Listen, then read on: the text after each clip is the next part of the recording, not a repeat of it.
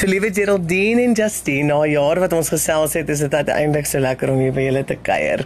Mamma Geraldine, kom ons begin by jou. Wat presies is Justine se diagnose? Uh, 'n plastieke anemia. En wat behels die simptome daarvan? Uh, dat haar liggaam geen bloedselle maak nie, dit funksioneer niks meer nie. So en So haar beenmerg het gaan staan. en wat is die implikasie daarvan? Wat moet sy daagliks, weekliks, maandeliks, watter tipe behandeling? Blaadjies eh, kry en uh, hy neem depressants net om aan die gang te bly. So liggaam produseer glad nie meer bloedselle nie. Niks, niks, niks. Sjoe. En en watter simptome het dit tot gevolg? Hoe voel sy? Maak dit haar siek? Ja, baie.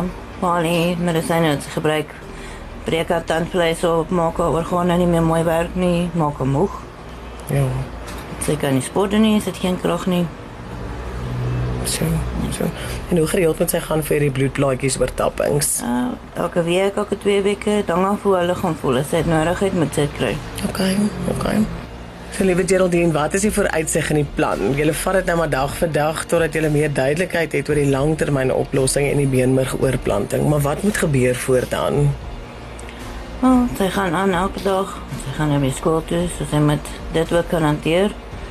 En ek moet seker maak dat sy al daai goed kry en nog goed drink dat sy kan aangaan, want anders gaan sy nie as goed kan doen nie en konsentreer ook nie so. Okay. En soos die Engelsman sal verwys daarna, dis nou maar 'n waiting game. Wat wag julle van die dokters af of om te hoor? En nadat hulle die regte skenker gekry het, is hier 'n probleem. Hy soek, maar volgens hom gaan hy iemand van Brasil vat, so dit maak dit duurder en meer uitheems. Ek weet nie, hy dink seker hulle is gesonder, ek weet nie. So ons wag nou maar. So en, en hoeveel sal so 'n tipe beenmergoorplanting kos? Uh, wat ek verstaan het van die ander mammas wat daar deur is, so 2 tot 5 miljoen. Ja. Omdat dit 'n oorseese persoon is. En wat is dan 'n gepaste maat of 'n match vir Justine?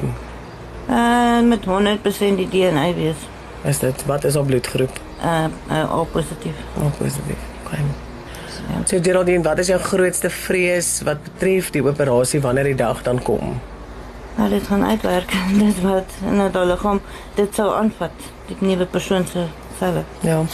En wat is die gevare as dit nie doen nie? Sy kan doodgaan. So, Dis die probleem. so. Vertel ons 'n bietjie van Justine. My liefste sweetie, dis al ek kan sê. Vrolike kind. Sy het altyd lewendig rondgehardloop, mal gegaan, nou nie meer nie, maar sy is nog steeds liefdevol en vrolik. En wanneer is sy gediagnoseer, Geraldine? En die einde van Oktober 2020. So, so dis nou nog vroeg, nee. Ja, is al vir 2 jaar so. Ja. Toe sy 11 jaar oud was. Okay, okay. En jy het nou maar net agtergekom sy bly moeg en Nee, het kronies moeg en geval. flou geval. Ja, sy kan loop en pas sy net uit. Sy val flou en haar lyf het op haar bene pers klein kolletjies gemaak. So ek het die dokter hierna toe laat kom. Hy is dokter. Sy het haar getoets en gestuur ek moet Boukenwil toe gaan om bloedtoetse te doen. Toe het sy geen bloed nou in haar liggaam nie. Toe bel sy vir my en sê ek moet haar na hospitaal toe vat of sy gaan dit nie maak nie. Dis waar ons dit uitgevind het. So. Liewe Geraldine, hoe bly jy positief? Probeer bid en omdat ek baie lief is vir haar. So. Sê ek bly bly bid elke dag en glo net en ek is baie lief vir haar so ek sal alles doen in die wêreld. As sy net ook kyk om wees. So liewe Justine, nou wil ek by jou hoor, hoe bly jy positief, my ding? Try maar net en ek weet ek moet want as ek positief sal bly dan sal ek eendag gesond word. En bid maar ook net altyd en ek weet ek moet. En ek doen dit want ek wil reg baie gesond word weer. Okay. Wat glo jy oor jou lewe? Ek verstaan dit. Wat is jou grootste wens?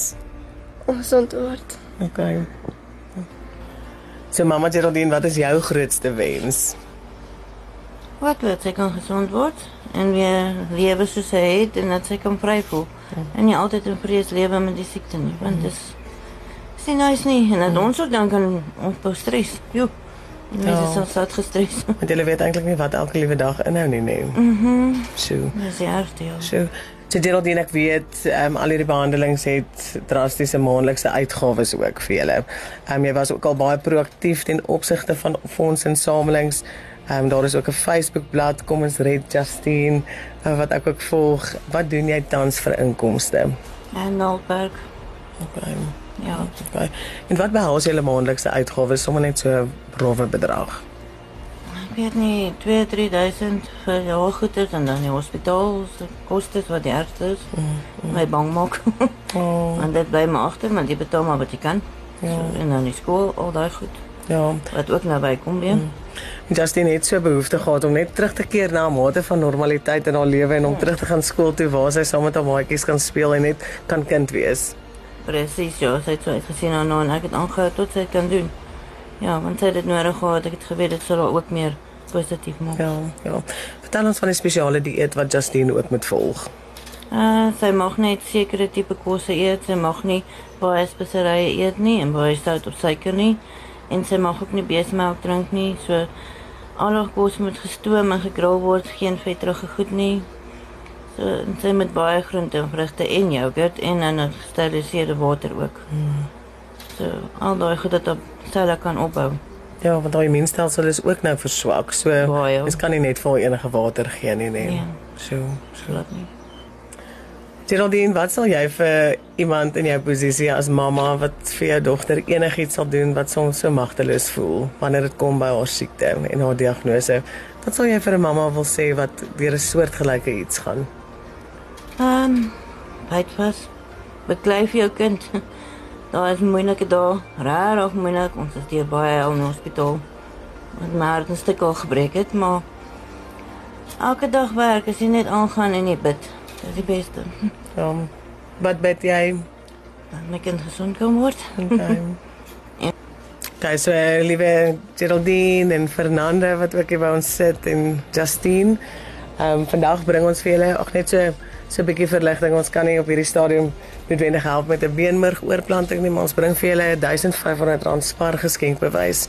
Ehm um, ons weet die vars groente en die vars vrugte en die gesteriliseerde water is so groot behoefte en dis dalk ietsie waar jy nie nou hoef te bekommer oor nie. En dan het ons dan het ons ook by ons familie by Moreletta Superspar gaan kuier en ons het vir julle ehm um, so 'n bietjie meer as R2000 se kruideniersware gebring. Yoghurt, ehm um, vleisies, ehm um, geen speserye nie. So net toiletware en ag Justine, ons is ook so opgewonde dat jy terug gaan skool toe. So ons 'n bietjie skryfbehoeftes vir daai penneblikkie, ook ietsie waar jy nie nou um, hoef te bekommer nie. Net 'n 'n maand tot maand uitgawe wat nie nou daar hoef te wees nie. OK. Nee, baie baie dankie wel. OK. En dan so laaste ding en ek ek weet dit is dalk 'n druppel in die emmer, maar ja, ons sal graag vir julle ook ehm um, terwille van net 'n bietjie verligting, net van terwille van 'n bietjie asemhaal, ook vir julle R5000 kontant wil gee om net so 'n bietjie Wow. vure dood te slaan. Ja, dit gaan my help. Kan ten minste die hospitaal bietjie opneem met Ja. berekening. En die ander spaar vir daai oorplanting. Elke bietjie by spaar gaan baie help. En ons Verseker. daar kom. Verseker. Kan.